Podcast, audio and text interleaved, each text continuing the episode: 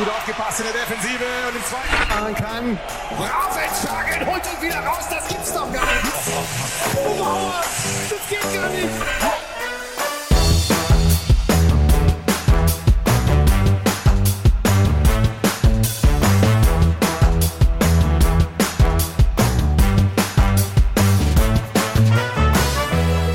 Dag mensen van het internet. Het wereldkampioenschap staat nu echt voor de deur. Het gaat beginnen. Oranje in Torrevieja om de titel die ze hebben gehaald in Kumamoto te verdedigen. We gaan voorbeschouwen. Dat doe ik met Martine Smeets, oud-international, inmiddels gestopt, ook geblesseerd. Voordat ik wil weten of Nederland uh, favoriet is om, uh, om het goud. Martine, hoe gaat het? Ja, het gaat eigenlijk heel goed. Um, ik zit nu op negen weken na de operatie. Um, en eigenlijk, uh, ja, de eerste weken vielen me heel erg tegen. Ik heb echt best wel onderschat qua pijn. Um, hoe weinig ik kon doen, want ze hebben mijn meniscus gehecht. En dan mag je de eerste vier weken nauwelijks belasten. En uh, nou ja, dat was wel even een beetje een tegenval, een beetje pittig. Maar um, ja, inmiddels gaat het heel goed. Ik mag uh, eigenlijk, ja, de dingen die ik nu mag in deze fase, zeg maar, die gaan allemaal goed. En um, ja, mijn uh, dagelijks leven bestaat uit uh, eten, trainen, slapen, zoals eigenlijk normaal gesproken ook. op de dag dat je bekend maakte niet meer voor Oranje uit te komen, op die avond ging het mis uh, bij Bucuresti. Hoe duister is die dag dan nu voor jou? Ja, dat was echt heel gek. En achteraf ga je er altijd op terugkijken van... Oh ja, want ik, ik voelde al dit en, en ik was al daarmee bezig. Of ik zat al hier met mijn hoofd. En dan denk je van, oh ja, dan valt het ineens allemaal samen. Maar het is waarschijnlijk ook gewoon dikke vette pech. Um, ik wil niet zeggen, ik denk dat vermoeidheid wel een hele grote rol heeft gespeeld. Um, maar ja, het was echt een soort van hele gekke samenkomst van twee gebeurtenissen. Zeg maar een soort van einde van mijn interlandcarrière. En op dat moment voelde het voor mij ook even van oké, einde carrière of zo. Want dan denk je oké, okay, super grote blessure, dus ik kan nooit meer handbal spelen. Maar dat is dan wat eventjes door je hoofd flitst. En, maar ja, dat, uh, daar ga je gaandeweg zeg maar wel anders over denken natuurlijk. Maar uh, op dat moment dat het gebeurde dacht ik echt nee, nee, ik kan nooit meer handballen. Ik weet niet, het voelde heel dramatisch ook voor mezelf. Ja, hartstikke maar, uh, daar, daar, sta je nu anders in. Je, je voelt nu wel meer dat, uh, dat je lichaam toch wel opkrabbelt. Ja, ja, zeker. Op dat moment was het even, ook omdat ik dacht van ja, ik zat meteen te rekenen. Ik dacht oké, okay, seizoen voorbij. kan ik dit seizoen nog spelen? En ging meteen in een soort van actiemodus of zo. Van oké, hoeveel maanden heb ik nog en uh, hoe snel moet ik nou revalideren? Uh, maar inmiddels uh, sta ik er wel wat relaxter in. Ik wil absoluut nog spelen dit seizoen als het kan.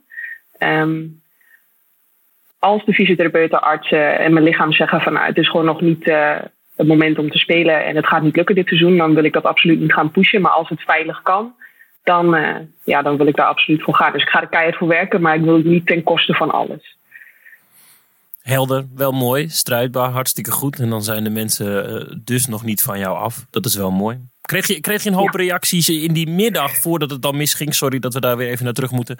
Over het feit dat je na heel veel succesvolle jaren, mooie medailles, uh, niet meer doorgaat bij Oranje. Ja, maar vooral echt hele fijne en lieve reacties uh, van mensen die gewoon zeiden van ook meiden uit het team die reacties gaven van nou, fijn uh, met je samen te hebben gespeeld, samengewerkt, uh, je als mensen leren kennen. Um, en ook van mensen die van buiten, zeg maar, handbal of uh, mensen vanuit het begeleidingsteam, van het NRV. gewoon echt hele fijne reacties van iedereen. En um, ja, dat was eigenlijk wel heel hard verwarmend. Dus eigenlijk was die dag ook een soort van al een beetje emotioneel voor me, omdat het op dat moment uitkwam en we speelden die avond. Dus we waren, het was een uitwedstrijd overigens. Er loopt nu een kat in beeld, dat is heel goed. dat zien, ja, de, dat zien de luisteraars dan weer niet natuurlijk, maar dat is hij wel. Hoe heet de kat? Peach. Peach. Dit is Peach. Peach doet ook mee. Ja, dat is heel ja Peach die wil heel graag uh, in de spotlight. Maar Peach zat er heel erg in de weg.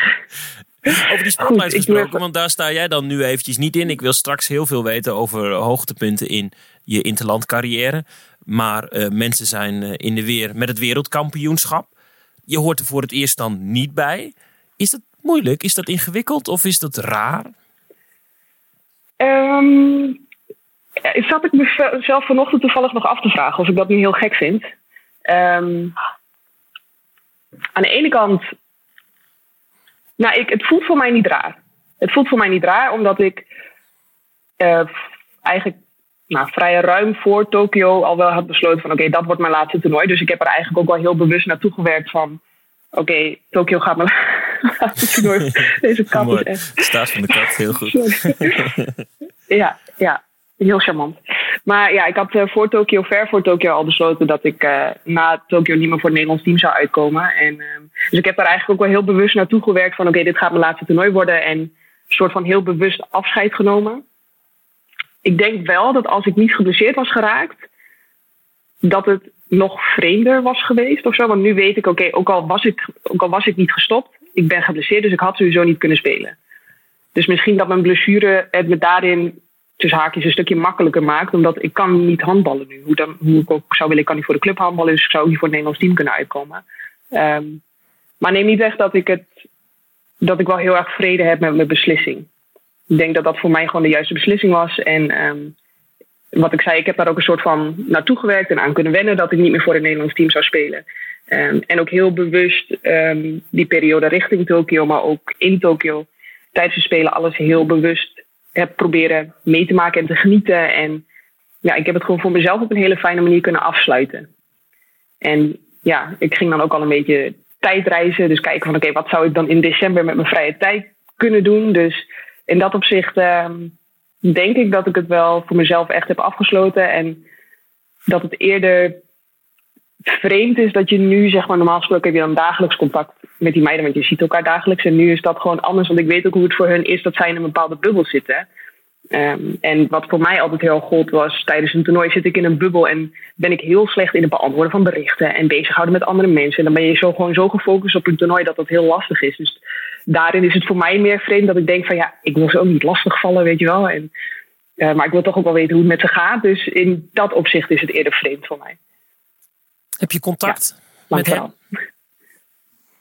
Uh, ja, ja, in principe wel. Ik moet zeggen, de laatste dagen even niet. Want ik wist ook, dat is dan ook weer zeg maar, omdat ik zelf weet hoe het is om in die situatie te zitten, weet ik van oké, okay, die meiden die hebben eventjes vrij gehad en dan ben je thuis en dan probeer je zo intens te genieten van het feit dat je even thuis bent. En um, ja, dan wil ik ze eigenlijk ook niet storen en zeggen van uh, joh, uh, hoe gaat het? En vertel even, wat is er allemaal gebeurd? En uh, ja, dat, dan denk ik van nou, ik stuur ze een berichtje met heel veel succes wensen. En tussendoor zal ik heus nog wel eens inchecken. Maar ik wil ook niet zeg maar, dat, dat ze denken van Jezus, uh, gaat weer vragen hoe het gaat. Weet je wel? En ik weet dat ze dat waarschijnlijk niet zullen denken. Maar ik weet gewoon hoe het is om in zo'n focus te zitten. En dan is het heel lastig om je bezig te houden met andere dingen. Dus ik wil daar helemaal geen stress aan toevoegen, zeg maar.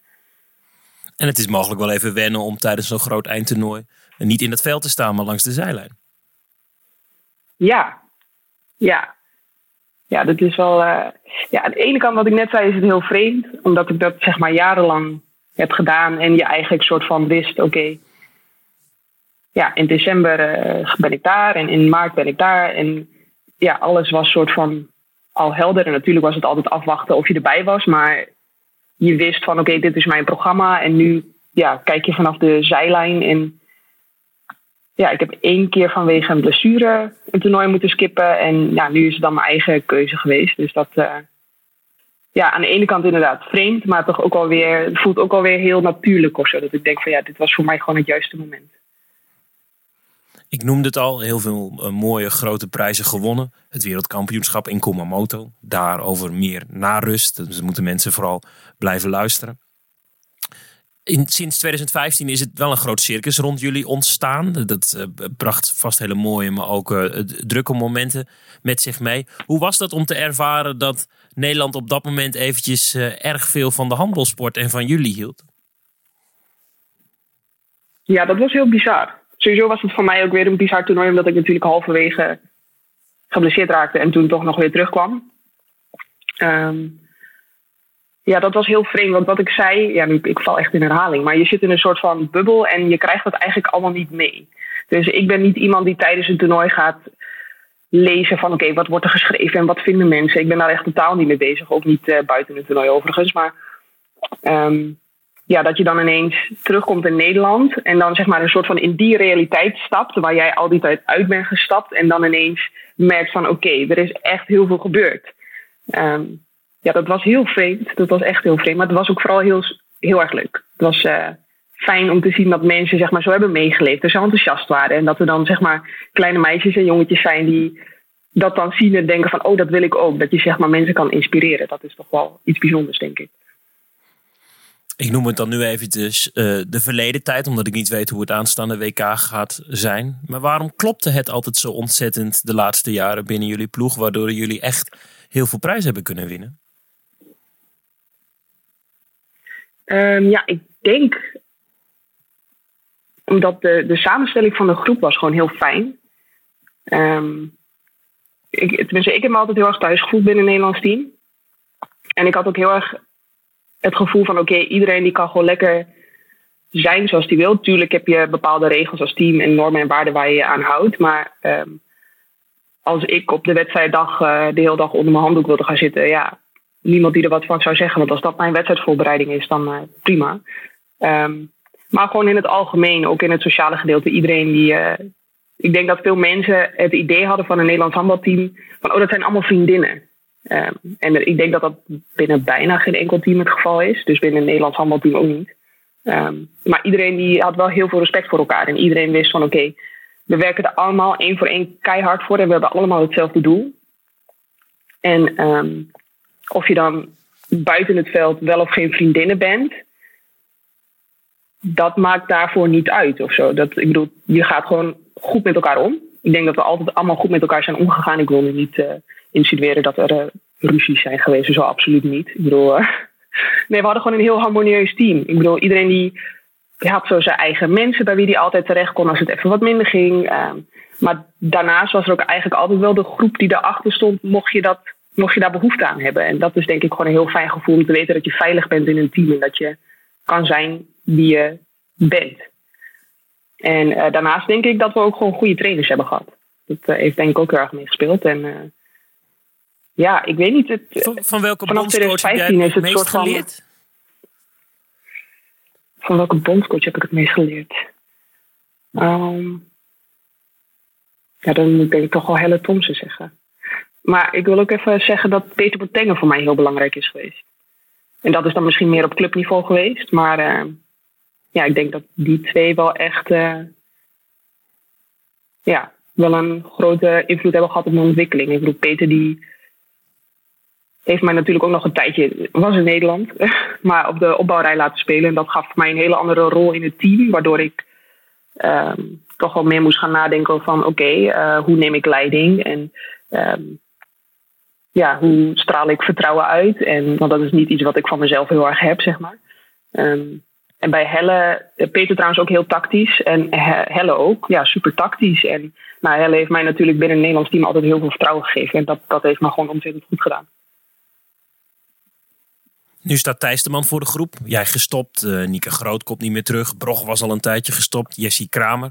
Een, een, hele hoop nieuwe jonge meiden erbij. Dan kan ik me heel goed voorstellen dat het, in, iets met zo'n groep doet. Kun je dat beamen? Mogelijk niet nu je bij Oranje zit, kun je daar niets over vertellen, maar wel wat het met een groep doet?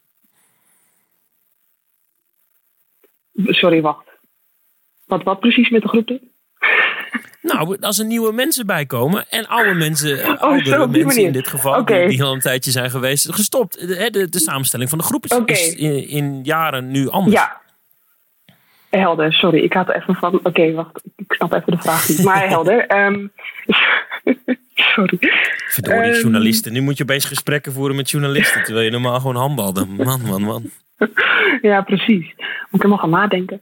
Nee, um, ja, wat dat, ik denk, ik, toevallig ook iets waar ik over na heb gedacht. Um, ik denk dat het aan de ene kant misschien in het begin een beetje gek zal zijn geweest, maar toch gaat het binnen het Nederlands team ook altijd weer door. En vooral omdat we, denk ik, binnen een Nederlands team eigenlijk altijd wat te maken hebben gehad met speelsters die stopten of die geblesseerd waren.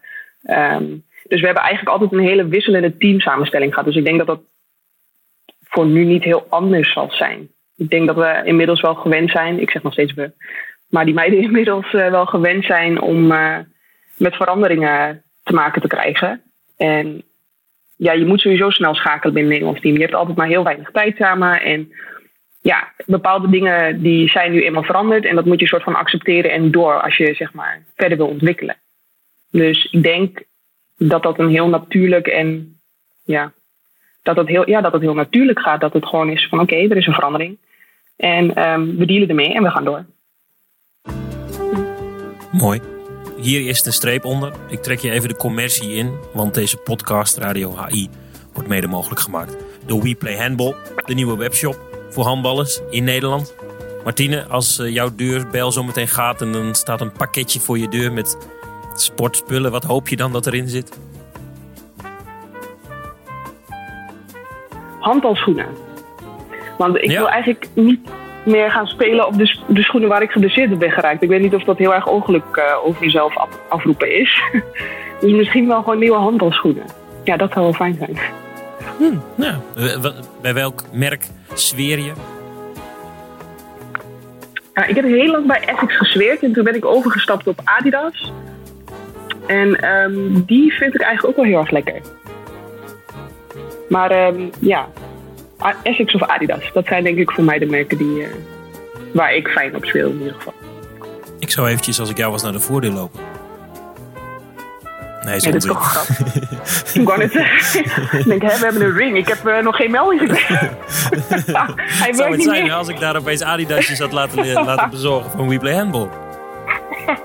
nou, dat zou heel fijn zijn. Kijk, ik wil Sorry. geen uh, hint droppen of zo, maar het zou wel heel fijn zijn. nou, als andere sportmerken meeluisteren of webshops, het kan. ik hou me aanbevolen. Stijn heeft mijn adres. Martine, wereldkampioen Nederland op het WK in Spanje. Zijn ze de favoriet? Dat denk ik niet.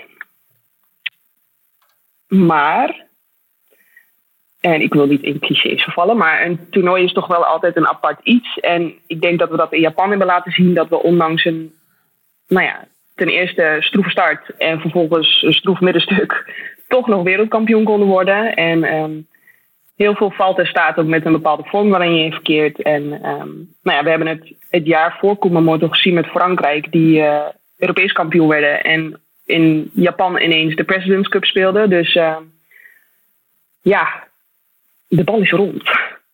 maar ik denk niet dat ze favoriet zijn op dit moment. Nee, welke landen acht jij sterker? Ja, Frankrijk natuurlijk. Um, Rusland altijd sterk ik denk dat uh, Zweden ook wel aan een opmars bezig is. Spanje kan als thuisland natuurlijk ook, uh, dat kan ook een boost geven. Uh, nou, Kroatië heeft natuurlijk verrast. Ik denk dat die ook wel doorgroeien. Het is een sterk Ja, ik denk eigenlijk dat.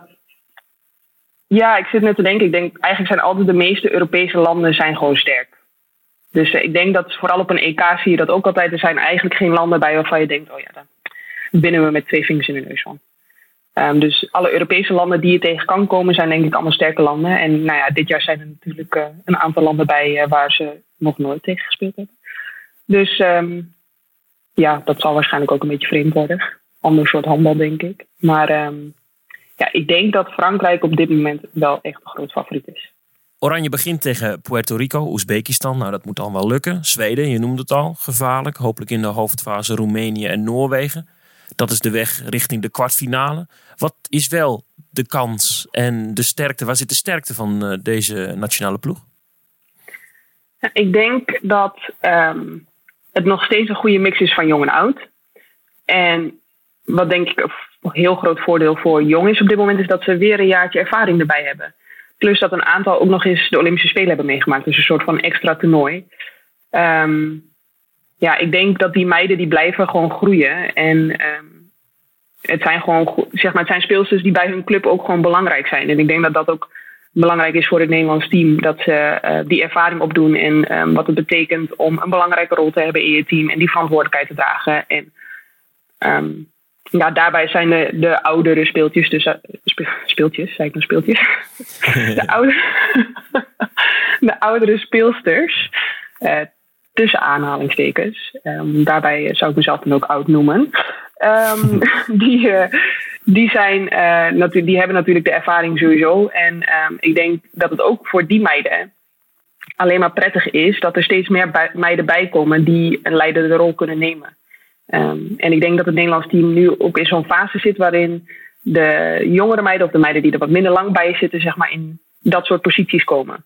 Dus ik denk dat ze dat alleen maar weer sterker kan maken. Plus, het, ja, het zijn gewoon allemaal stuk voor stuk goede speelsters. Um, en veel ook met veel snelheid. En ik denk dat dat ook wel iets is waar uh, het Nederlands team het van moet hebben, zeg maar, op snelheid kunnen spelen. Ik denk dat we daar best wel veel succes mee hebben behaald. En ja, dat is wel iets wat ze moeten blijven gebruiken, denk ik. Wie van de jonge twintigers vind jij echt heel goed? Of wie meldde zich ooit bij de nationale ploeg die er nu nog steeds bij is, waarvan jij dacht van hé, hey, dit kan wel eens een goede worden? Bo. Bo van Wetering. Ja, ik uh, ben natuurlijk onder Helle best wel lang soort van alleen geweest op mijn positie. En dat is dan een keuze die Helle heeft gemaakt. Um, en dat was voor mij aan de ene kant heel fijn, omdat ik superveel vertrouwen kreeg, maar het was ook heel zwaar. Um, en toen Bo erbij kwam. Waarin was het zwaar? Um, nou, gewoon het feit dat je weet van oké, ik ben de enige op deze positie. En als ik vandaag een slechte dag heb, um, dan is dat best wel kut. En dat, ik ben niet de speelster van mezelf die blaakt van het zelfvertrouwen. Um, dus aan de ene kant was het heel fijn dat ik dat vertrouwen kreeg. Maar aan de andere kant was het ook een soort van last op mijn schouders. Omdat ik dacht van oké, ik moet het goed doen. Um, dus dat, ja, dat, die balans vinden was af en toe best lastig. Maar ik denk wel dat het me meer goed heeft gedaan dan dat het vervelend was. Maar evengoed uh, ja, was het wel een pittige situatie. Ook gewoon fysiek moet ik zeggen. Veel spelen. En uh, ja, zo'n toernooi is lang als je 9 à 10 wedstrijden moet spelen in twee weken tijd. Dus ja, dat was gewoon, het was gewoon in alle opzichten best wel pittig. Um, maar ja, toen Bo erbij kwam, dacht ik wel van oké, zij, zij kan wel wat. En nou ja, ik merkte gewoon nog wel dat ze jong was. En um, ik merkte in de afgelopen jaren dat ze heel erg aan de, aan de techniek en aan de schotpatroon heeft gewerkt. En ik vind het gewoon heel mooi om te zien hoe zij zeg maar elk seizoen weer een stap zet. Of elke week waarschijnlijk, maar dat zie ik dan natuurlijk niet. Maar dat elke keer als ik haar weer zag, dat ik dacht van oh jeetje, ze heeft echt weer stappen gezet. En um, ja, ik, vond, ik vind dat alleen maar mooi om te zien. En ja, nu is het dan iemand op mijn eigen positie. Dus dat is misschien aan de ene kant heel raar om te zeggen. Maar ik weet niet. Ik, ik, vind, ik vond het gewoon mooi om te zien. Het is een meisje die keihard werkt. En um, die eigenlijk altijd met een goede attitude naar de training komt. Bij de wedstrijd zit, op de bank zit, in het veld staat. En ja, ik vind dat gewoon een mooi iets om te zien. Dat iemand die zo hard werkt en zoveel talent heeft. Dat het er dan ook uitkomt, zeg maar. Dus ja, als ik een twintiger moet noemen ja, dan denk ik wel Bo. Ja, je hebt er meer natuurlijk, maar voor mij springt Bo er echt uit. Ja, mooie woorden. Dus uh, je kunt uh, de erfenis overdragen met een gerust hart daar op de linkerhoek. Ja, absoluut. Daar maak ik me echt geen zorgen over. Echt niet. Nou, dat is ook wel fijn, toch? Dat je in die zin uh, rustiger kunt gaan zitten, omdat je weet wat ze in de mars heeft en dat ze het gewoon met jou goed heeft weten op te lossen. Ja, absoluut. En dat was voor mij ook wel zeg maar, fijn toen zij erbij kwam. En dat onder Manu, zeg maar dat die situatie die ik natuurlijk met de Helle had, wat aan de ene kant heel fijn was en aan de andere kant veel druk oplegde, dat ik ook gewoon wist van oké, er zit iemand op de bank of er staat nu iemand in het veld die dat stokje prima van mij kan overnemen. Zeg maar, en die ook weer op andere kwaliteiten heeft dan ik. Er waren denk ik wel twee verschillende speelsters. Um, dus het was ook wel weer fijn of zo. Ook als ik uh, nou, nu noem ik even een hele dramatische wedstrijd, maar tegen Frankrijk uh, op de Olympische Spelen. Toen, uh, nou ja, ik speelde echt een dramatische wedstrijd. Dus zij kwam erin en pikte het meteen goed op. En dan kan ik een soort van, natuurlijk is die wedstrijd was alles behalve leuk. Maar um, dan kan ik wel met een soort van gerust hart op de bank gaan zitten van, gelukkig, Bo zit lekker in de wedstrijd. Die pakt het nu op. En dan, zeg maar, mocht het nodig zijn, kan ik mezelf weer herpakken en een soort van, van haar energie daar ook weer op voortborduren. Dus dat is gewoon heel fijn om, om dan zeg maar zo iemand op je eigen positie naast je te hebben. Hm. Mooie beschouwing. Dat heb je dus nooit als moeilijk uh, ervaren, haar komst? Um, nee, nou niet moeilijk. Tuurlijk is het wel dat je, je ziet dan zo'n meisje, nou ik zeg nu meisje, maar het is gewoon een volwassen vrouw natuurlijk, uh, binnenkomen die uh, nou, blaakt van de energie en geen pijntjes. Nou, dit is invullen natuurlijk, maar die gewoon een stuk jonger is dan dat jij bent. Dus je weet, oké, die is fysiek waarschijnlijk Het mooie is dat je dit vertelt met een hele grote glimlach. Dat is goed om even erbij te vertellen. Ja, ja. Nee, het, uh, ik vond het gewoon mooi om te zien, omdat... Zeg maar, ik kan me nog herinneren dat ik zelf op die leeftijd was. En dat je inderdaad ook het handelveld opstapt. En dat je denkt... ah, ik uh, schiet eventjes zonder warming-up een balletje op doel en uh, ik heb nergens last van. Um, nou ja ik, ik, ja, ik heb dat nooit als uh, vervelend ervaren. Of dat ik dacht van, oh jeetje, heb je haar erbij dan ga ik minder spelen of zo. Nee, absoluut niet. Ik uh, vond het alleen maar fijn om. Ik, ik heb altijd met haar een hele fijne samenwerking gehad. En ja, wat ik net zei, het is gewoon fijn om te weten dat er nog iemand op jouw positie staat die. Um, ja, wat ik zei, dat stokje prima kan overnemen. Wat heeft ze wel van jou kunnen leren? Je noemde de energie, haar snelheid. Wat kan ze van jou overnemen? Nou, ik, ik hoop dat ik haar een beetje heb mee kunnen geven dat ze in wedstrijden de rust gewoon moet bewaren ik kan me van het eerste toernooi herinneren dat ze, en dat, dat snap ik zelf heel goed als hoek, dat is altijd een beetje een spel tussen keeper en speelster. Van wie, ja, wie gaat het eerst uh, zeg maar zijn kaarten opengeven of noem je zoiets. Um, ja, ik, ik merkte dat ze soms, zeg maar, als ze dan net even niet lekker in de wedstrijd zat, dat ze een beetje problemen kreeg met een schotpatroon. En dat de keeper haar dan echt een soort van kon dwingen van oké, nu ga je hier schieten, nu ga je daar schieten. Um, en ik weet precies hoe dat voelt als, als, als hoekspeelster. Dan denk je van jeetje, waar ga ik de volgende schieten? En dan ga je nadenken over van, wat zal de keeper nu denken? Want zal die denken dat ik daar ga schieten? Moet ik dan wel juist daar gaan schieten of juist niet daar gaan schieten? Um, en ik hoop dat ze daarin, en ik, ik zie ook dat ze daarin stappen heeft gemaakt. Dus dat hoef ik niet te hopen, dat zie ik. Um, dat de schotpatroon gewoon een stuk sterker is geworden. Um, want ze kan eigenlijk alles.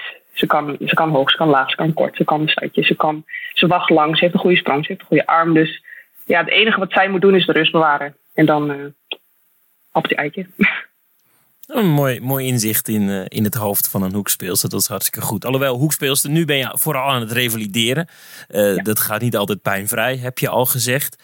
Um, oud teamgenoot van jou bij Oranje, Estefana Polman, doet dit twee keer achter elkaar en gaat nu al mee naar Spanje. Ik denk dat jij in een lastige positie zit om daar een, mogelijk een, een, hele uitgebreide mening over te geven. Maar zie je je het zelf doen met nauwelijks wedstrijd, ritme, toch daar op dat wereldpodium gaan staan?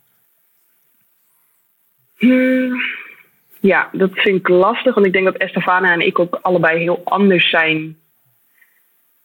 Mentaal gezien wat dat betreft. Ik denk dat, dat, ik denk dat het voor Estefana niet voor haar persoonlijk niet heel veel uitmaakt of ze wedstrijdritme heeft of niet. Ik denk dat zij gewoon de ding doet ongeacht uh, of ze dat heeft of niet. Um, ze heeft scheid soms.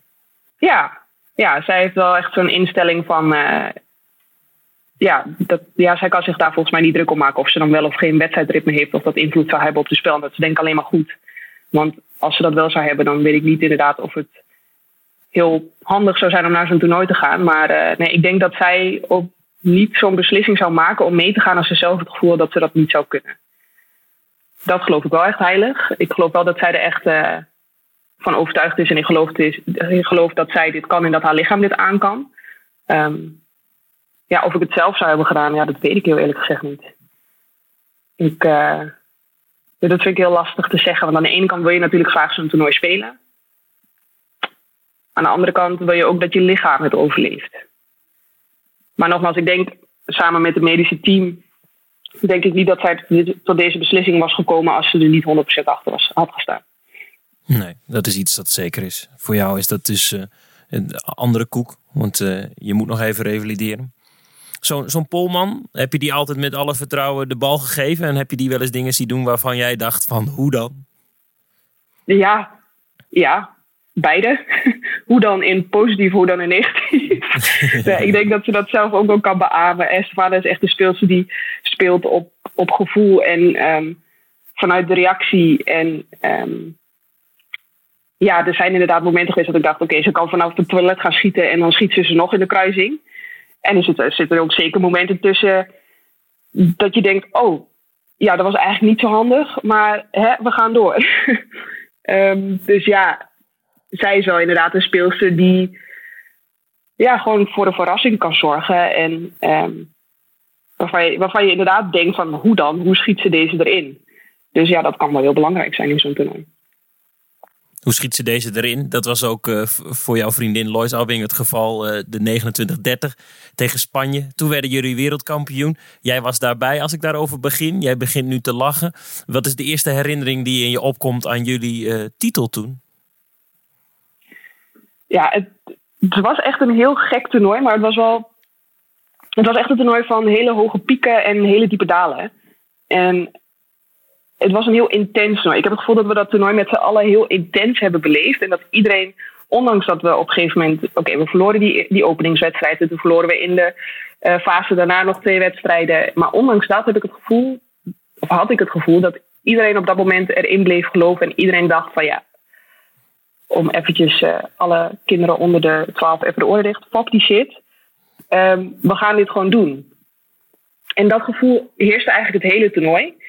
En we maakten ons absoluut niet druk over wat anderen dachten, over, over wat, wat de pers wel of niet zei. Um, dus ik denk dat het groepsgevoel en het geloof in ons eigen kunnen op dat moment zo sterk was. Ik denk dat dat me het meest is bijgebleven. En daarna uh, de wereldbeker omhoog gehouden. Dan sta je opeens in Japan. Hebben jullie het geflikt waar jullie eigenlijk al een aantal jaar naar op zoek waren? Uh, ja, was het het grootste moment wanneer kikte dat volledig bij jou in? Ja, ik, nou ja, op het moment dat, dat Lois die penalty erin schoot. Ik, ik, want ik had op de klok gekeken en ik dacht, het is nog een paar seconden. Dus als Lois schiet, dan kunnen ze eigenlijk niet meer aanvallen. En volgens mij ben ik echt meteen in tranen uitgebarsten. Dat was echt, ik weet nog dat ik in de halve finale waren ook een paar meiden echt in tranen. En ik was toen vooral gewoon echt extreem blij. En die tranen kwamen niet of zo. Dat is niet dat dat moet, maar ik had het niet verwacht. Ik ben ook niet iemand die, uh, zeg maar, meteen overal over in tranen is of zo. Dus ik schrok er zelf wel een beetje van dat ik echt meteen helemaal in tranen was. En uh, ik weet dat, dat ik op een gegeven dus moment... wel veel voor jou ook. Ja, ja, ik weet nog dat ik op een gegeven moment, ik was al die meiden afgegaan en die Manu liep op het veld, dus die gaf me een knuffel en ik gaf hem een knuffel, dat hij echt een beetje moest lachen, omdat ik echt aan het snikken was. Ik was echt zo, dat je niet meer kan ademhalen. dat hij echt zo, oh, oh, oké. Dat hij er een beetje van schrok hoe hard ik moest huilen. Maar ik schrok er zelf ook van. Maar het was echt heel, ja, er kwam echt een ontlading uit die uh, misschien zich wel sinds 2015 had opgebouwd. In, in welke mate denk je er nog aan? Is dat dagelijks, wekelijks, maandelijks? Nee, ja, dat is een beetje jammer binnen handbal. Het leven gaat meteen weer door. Ik bedoel, je komt terug naar zo'n WK en je hebt dan die medaille om. En nou ja, de ontvangst op Schiphol was heel fijn en het was allemaal heel vroeg in de ochtend. Dus ik was heel blij dat iedereen daar zo vroeg uit zijn bed was gekomen. Was super lief. Um, maar je gaat ook eigenlijk, ja, je moet weer terug naar je club. En daar heb je weer de volgende wedstrijd. Dus binnen handbal gaat het eigenlijk altijd meteen weer door. En je hebt eigenlijk niet echt de tijd om ja, daar heel uitgebreid dat je denkt van nou, nu ben ik wereldkampioen, nu ga ik even een maandje vakantie nemen, even genieten, even lekker op het strand liggen. Zo werkt het niet. Dus ja, je bent er niet dagelijks mee bezig, maar er zijn zeker momenten waarop het terugkomt dat je denkt, oh ja, dat is wel heel gaaf dat we dat hebben gedaan. zeg je met een hele brede glimlach. Ja, zeker. Ja. Mooi. Ja, voordat ik zo meteen naar, naar ons slot uh, wil gaan. Je noemde eventjes, dan, dan trekken we ook van de pers niets aan. Zitten jullie wel eens op je hotelkamer in zo'n eindtoernooi... dat jullie even stevig aan het roddelen zijn over, over persleden en de media? nou ja, ja, ik wil niet zeggen dat het roddelen is, maar ja, je krijgt wel eens vragen waarvan, waarvan je denkt, ja, moet dat nou? Of uh, heb je überhaupt ooit iets over handbal gelezen? Uh, ja, er zitten wel vragen bij of interviews bij waarvan je denkt, ja, deze doe ik liever niet, maar het hoort er wel bij. Want weet je, ze schrijven over juist het goed gaat, maar ze schrijven ook over juist het slecht gaat natuurlijk. En dat, uh, ja, dat hoort erbij, is niet altijd leuk. Um, en er zijn ook zeker mensen met wie je liever praat en mensen met wie je liever niet praat. Maar ja, dat is een beetje het gevolg van uh, het feit dat we de afgelopen... Ik blijf we zeggen. Dat de afgelopen jaren zo succesvol zijn geweest. en um, ja, weet je, het is heel fijn als ze, over, als ze over je schrijven als het goed gaat. Maar ja, dan moet je inderdaad ook maar accepteren dat ze ook over je schrijven als het niet zo goed gaat. En, uh, is dat iets waar je hebt mee leren leven of dat mee handelen? Dat, als ze, ook, dat ze ook schrijven over uh, wanneer het niet goed gaat? Um, ja, aan de ene kant wel. En aan de andere kant is het nooit leuk om te lezen zeg maar, negatieve dingen over jezelf te lezen. Um, en zeker als het dan feit persoonlijk is. Ik weet nog dat ik vorig jaar in Denemarken vragen heb gehad in een wedstrijd. Er was uh, tegen Kroatië. En er was een moment uh, waarin het schijnbaar Kroatië één voor stond. En ik probeerde een bal te onderscheppen, wat in mijn ogen op dat moment de enige keuze was om te doen. En tikte normaal met mijn vinger, maar de speels van Kroatië kreeg hem toch nog in de handen en zij scoorde. En toen kreeg, kwamen zij dus op twee punten voorsprong. En toen kreeg ik achteraf de vraag um, of dat het beslissende moment in de wedstrijd was geweest waardoor we hem hadden verloren. En op dat soort momenten denk ik wel van ja, is het nu, stel je deze vraag nu omdat je er echt van overtuigd bent dat dat het beslissende moment was, of probeer je gewoon iets te, zeg maar, probeer je te provoceren? En dat vind ik dan wel dat ik denk van ja, ik snap dat journalistiek ook een heel ingewikkeld gebied is. En, en, en dat jullie ook proberen, zeg maar, het beste. Nu zeg ik jullie, alsof jou. Ja, ja, dat, dat journalisten ook proberen om, um, zeg maar, een interessant en diepgaand stuk te schrijven. En dat je daarvoor ook soms vragen moet stellen die niet zo leuk zijn. Dat snap ik wel. Maar ja, dat soort vragen. Op dat moment dacht ik wel van, nou, ik, ik snap niet precies waarom je deze vraag nu stelt. Want als je de hele, het hele wedstrijdverloop kijkt, dan weet je dat dat niet het beslissende moment was. En als je verstand hebt van handbal, dan snap je ook dat ik die keuze maakte op dat moment. Dus dat zijn wel lastige situaties. Maar um, ja, over het algemeen moet ik zeggen dat wij echt niet. Uh, ik heb persoonlijk geen extreem vervelende ervaringen met de pers. Eigenlijk, uh, eigenlijk alleen maar goede. Op een paar kleine momentjes na. Maar nee, ik, ik ben alleen maar blij dat ze, dat ze vooral aandacht geven aan het handbal. En ik denk dat, waar, dat het daar uiteindelijk om gaat. Nu sta je aan de kant van onze simpele zielen. Als jij namens Handball Insight een vraag zou moeten stellen aan de nieuwe bondscoach Monique Thijsterman. In de poolfase nog. Zweden moet nog komen. Oezbekistan en Puerto Rico zijn omgetikt. Wat zou je van haar willen weten? Oeh, wat zou ik van haar willen weten? Oh, dat is een goede vraag. Daar heb ik eigenlijk helemaal niet over nagedacht. Maar ik denk, ik ben wel heel benieuwd naar hoe zij, wat haar wedstrijdplan is. En wat haar tactiek is. En hoe zij graag met het Nederlands team wil spelen. Ik ben, ik ben wel heel benieuwd naar dat ze bijvoorbeeld um, een meer open dekking wil uh, doorvoeren. Dat heeft Manu ook geprobeerd. Dat is toen uh, niet gelukt. Dat is ook wel een lastig systeem om um, met minder training erin te werken. Want het moet goed afgesteld zijn. Uh, ja. Is dat een, een tricky set als het gaat proberen? Ja, dat kan heel slecht uitpakken. Kan ook heel goed uitpakken. Maar dan moet hij... Dat is inderdaad een dekking die je denk ik heel goed en heel vaak moet kunnen trainen, wil je die in een wedstrijd perfect uit kunnen voeren. Want het is inderdaad een dekking die uh, super verrassend kan werken en maar heel lastig tegen, de tegen te spelen is als je hem goed uitvoert. Um, ik denk dat Frankrijk daar bijvoorbeeld een heel goed voorbeeld van is, die dat goed kunnen. Maar bij met, doen ze het natuurlijk ook. Dus vandaar denk ik de poging van Manu om het bij ons ook uh, erin te brengen. Maar um, ja, ik denk dat wel is gebleken dat het heel lastig was om, in dat, om dat in zo'n korte periode er echt in te slijpen. Want er zijn ook bepaalde uh, patronen die je van anderen moet leren herkennen. Van oké, okay, zij doet dit, dus betekent dat daar ruimte komt. Dus ik ga nu deze ruimte dichtgooien of die ruimte opengooien. En ja, er is ook best wel wat inzicht voor nodig. Dus het is best een, uh, een lastige dekking om te spelen. We gaan het meemaken. Misschien wel groepsduel nummer drie tegen Zweden. Dat het uh, ja, ik, gebeuren gaat. Ik zou het heel leuk vinden om te zien. Ik zou het nog leuker vinden om te zien dat het dan ook goed gaat. Dus ja, we gaan het zien. Zeker. Jij niet daar. Jij niet uh, op, uh, op het bord. Geen pion meer. Uh, revaliderende. Wat is jouw planning? Want je wil dus nog niet dat mensen van je af zijn binnen de, binnen de top. Nee, ik, um, ja, ik heb tegen mezelf gezegd dat ik niet te veel wil gaan tijdreizen. maar ik wil wel heel graag proberen om dit seizoen nog binnen de lijnen te komen. En of dat dan voor vijf minuten is, dat maakt me echt niet uit. Maar als het mogelijk is en als het allemaal verantwoord is um, en het voelt voor mezelf goed, dan uh, hoop ik dat dat nog gaat gebeuren. En uh, zo niet, ja, dan uh, blijf ik gewoon verder werken. Mooi, goed, nobel doel. Waar ga je het WK zien? Ga je ervoor zitten?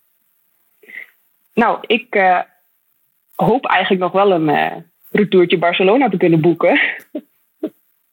dat zou ik wel heel erg leuk vinden. Maar over de, de rest ga ik in ieder geval thuis volgen en ja, als Barcelona erin zit, dan uh, wie weet zit ik dan wel in het vliegtuig.